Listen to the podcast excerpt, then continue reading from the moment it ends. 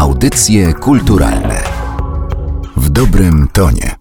Pan Jan Gondowicz, krytyk literacki, eseista, felietonista. Dzień dobry. Dzień dobry, witam. W tym roku, w 2017 roku obchodzimy 140. rocznicę urodzin i okrągłą również 80. rocznicę śmierci Leśmiana. Jednak poeta no, nie został wybrany na patrona tego roku, ale to nie przeszkadza nam właściwie, żeby obchodzić taki ofowy rok Leśmiana, prawda? Ja to bardzo popieram, e, ponieważ Polska ma dwóch e, takich poetów, jakich nie ma cała kultura światowa i obaj są bardzo źle widziani. Pierwszym jest Tadeusz Bojżeleński, a drugim jest Leśmian. Proszę sobie wyobrazić, że ktoś opisuje krąg swoich znajomych w ulotnych wierszykach, czytanych tam ze strady w jakimś kabarecie, po czym mija 100 lat z górą i te wierszyki są nadal na ustach wszystkich, cytaty z nich się powtarza. W każdym inteligenckim domu to jest taki rodzaj pasowania na inteligenta, muszą być słówka boja. Osoby, które odgrywały jakąś tam rolę w życiu Krakowa sprzed 120 lat, są nadal e, żywe dzięki temu. Funkcjonują w naszej wyobraźni, są charakterystami, typami, interesujemy się ich losami. Takiego wypadku, żeby tak utrwalić epokę z jej najbardziej charakterystycznymi typami, nie ma w nowożytnej kulturze poetyckiej Europy, a z kolei Leśmian jest osobą, która znajduje się na antypodach tej poetyki i tego sposobu widzenia świata. Mianowicie to jest ktoś, w stosunku do kogo trzeba się cofnąć 200 lat z górą wstecz, ponieważ jedynym poetą, który miał podobną do niego strategię, był, jak myślę, William Blake. Poeta, który wymyślił sobie własny świat i pisał wiersze z wnętrza tego świata, meblując go powoli swoją własną prywatną mitologią. I to jest najważniejsza cecha Leśmiana, że wymyślił sobie własny świat z własnych wyobrażeń, z własnych marzeń, z własnych baśni po czym pomalutku go zabudowywał, zamalowywał kolejne białe plamy. Tylko jego kraina e, jest e, poza historią i nie ma żadnych łączności, poza jednym, jedynym wierszem pejzaż współczesny, nie ma żadnych e, związków z tym, co się dzieje na zewnątrz jego głowy. I rozpoznajemy w tym bez trudu taktykę, którą pokochaliśmy jako taktykę prozaików. Tam to jest Lewis i Tolkien tylko oni działali w prozie. Tymczasem Leśmian robił to w poezji. I to jest, myślę, dla każdego, kto spojrzy z takiego dystansu, dowód wielkości jego zamysłu. Prawda? To nie byle kto, żeby bez żadnego bodźca z zewnątrz, bez żadnego środowiska, powiedzmy jak w Oksfordzie mieli ci Anglicy, wymyślić sobie i sam dla siebie tworzyć taki świat i wyjść z nim do ludzi. Myślę, że warto by się zastanowić, skąd mu się to wzięło, prawda? To jest chyba oczywiste pytanie.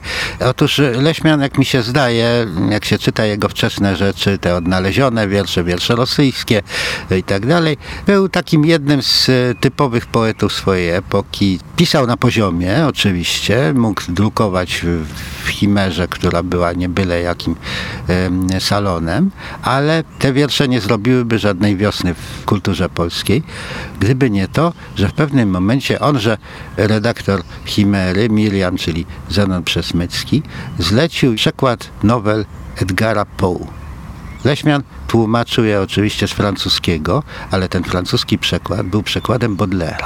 To, co Leśmian tam spotkał, ukształtowało go wewnętrznie. Spotkał się mianowicie z, no wszyscy znają Poła, prawda, ze stężoną niesamowitością, z fenomenami pozagrobowymi, z tym, że świat e, widzialny przechodzi w świat niewidzialny, że rządzą nami tajemnicze instynkty, nad którymi nie mamy do końca władzy i których sobie czasem nie uświadamiamy. I w gruncie rzeczy pytanie o rację bytu y, takiej rzeczywistości, skąd się bierze zło, skąd się bierze agresja międzyludzka. To jest pytanie, które każdemu czytelnikowi poła się nasuwa i kontakt z tym właśnie jednym, jedynym pisarzem dał Leśmianowi bardzo wiele. A myślę, że dwie inne lektury również były ważne dla jego rozwoju. Jego pieśni ludowe różnych krajów europejskich, zwłaszcza germańskie.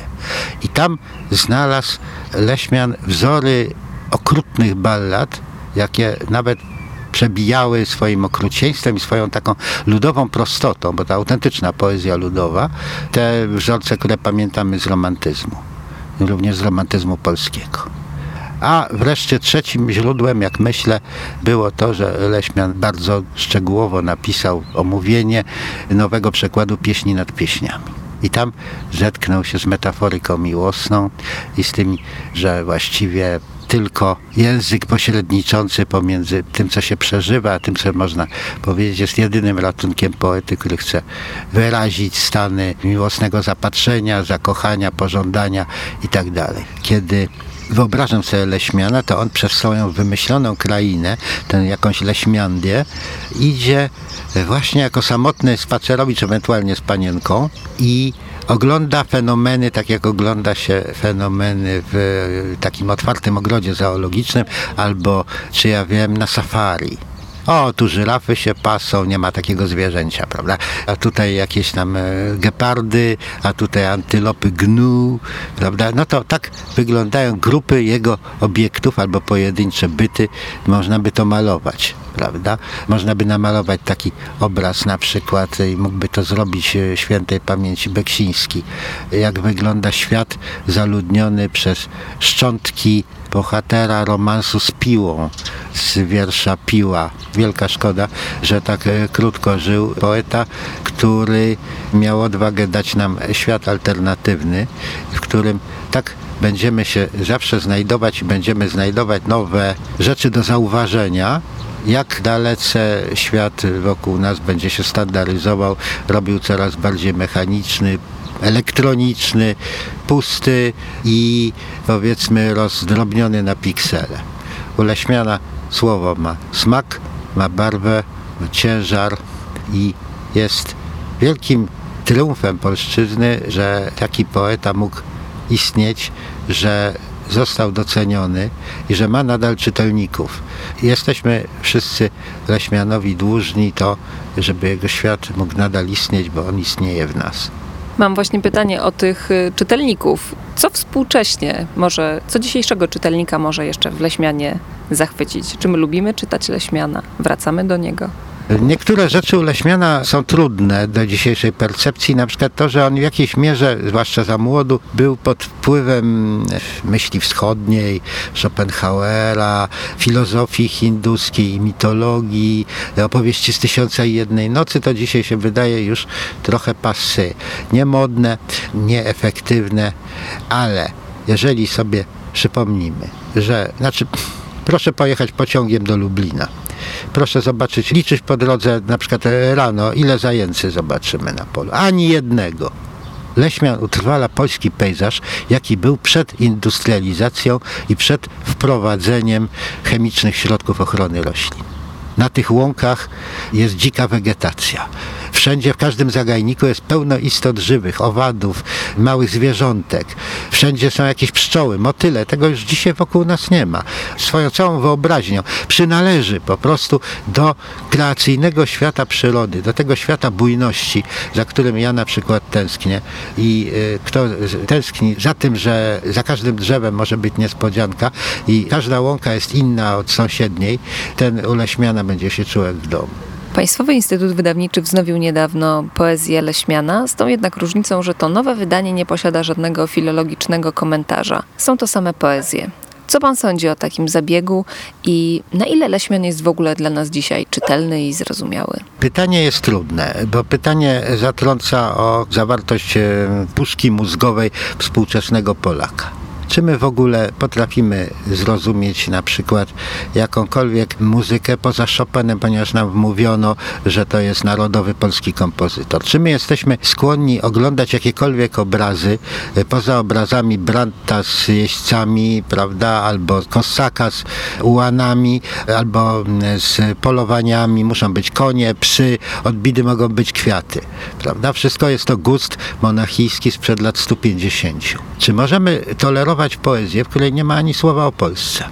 I czy w ogóle Polaków interesuje w dzisiejszym świecie cokolwiek poza Polską?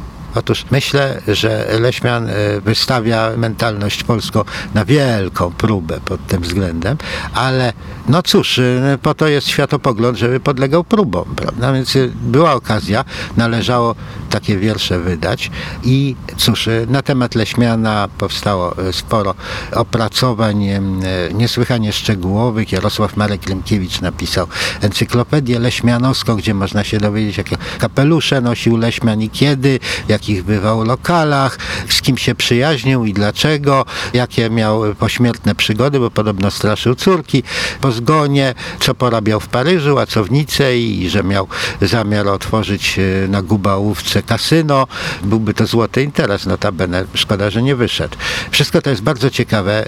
Mówi trochę o człowieku, nic o jego poezji. Oddanie prawdziwego hołdu poecie i dowiedzenie się, kim naprawdę był ten człowiek, to jest wniknięcie w świat wewnętrzny jego wierszy, obcowanie z tekstami.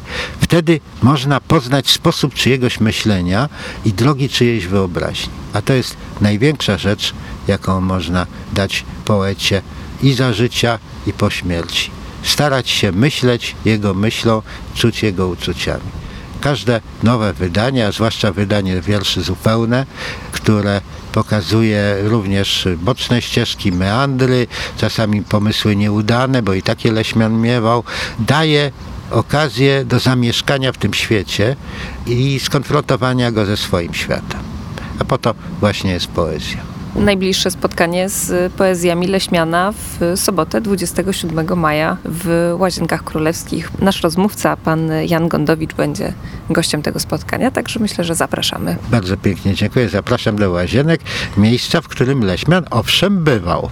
No więc dodatkowa atrakcja, że to się będzie wszystko odbywać w plenerze, na łące, tak jak poezja Leśmiana mieszka, tak będzie jej omawiana. Szedł po świecie bajdała, co go wiosna zagrzała. Oprócz siebie wiódł szkapę, oprócz szkapy wołu, tyleż tędy, co wszędy, szedł z nimi pospołu. Zachciało się bajdale przespać upał w upale. Wypatrzył zezem ściółkę, zemchu popod lasem. Czy dogodna dla karku spróbował obcasem poległ cielska tobołem między szkapą a wołem. Skrzywił gębę na bakier i jęzorem lasnął i ziewnął w niebogłosy i splunął i zasnął. Nie wiadomo dziś wcale, co się śniło bajdale, lecz wiadomo, że szpecąc przystojność przestworza, wylazł z rowu dusiołek, jak półbabek z łoża. Pysk miał z żabia ślimaczy, że też taki żyć raczy. A zad tyli co kwoka, kiedy znosi jajo. Milcz gębo nieposłuszna, bo dziewki wyłają. Ogon miał ci z pod ogonie zaś złyka. Siadł bajdale na piersi, jak ten kruk na snopie. Puty dusił i dusił, aż coś warkło w chłopie. Warkło, trzasło, spotniało. Co ci się stało, bajdało? Dmucha we wąsy ze zgrozy, jękiem złemu przeczy. Słuchaj ta wszystkie wierzby, jak chłop przez sen beczy. Sterał we śnie bajdała, pół duszy i pół ciała. Lecz po prawdzie niedługo ze zmorą marudził. Wyparskał ją nozdrzami, zmarszczył się i zbudził. Rzekł bajdała do szkapy. Czemu zwieszasz swe chrapy? Trzeba było kopytem dusiołka przetrącić, zanim zdążył mój spokój w całym polu zmącić. Rzekł bajdała do wołu, czemuś skąpił mozołu? Trzebać było rogami dusiołka postronić, gdy chciał na mnie swej duszy paskudę wyłonić. Rzekł bajdała do Boga, o rety, ola Boga, nie dość ci, żeś potworzył mnie, szkapy i wołka, jeszcześ musiał takiego zmajstrować dusiołka? Audycje kulturalne w dobrym tonie.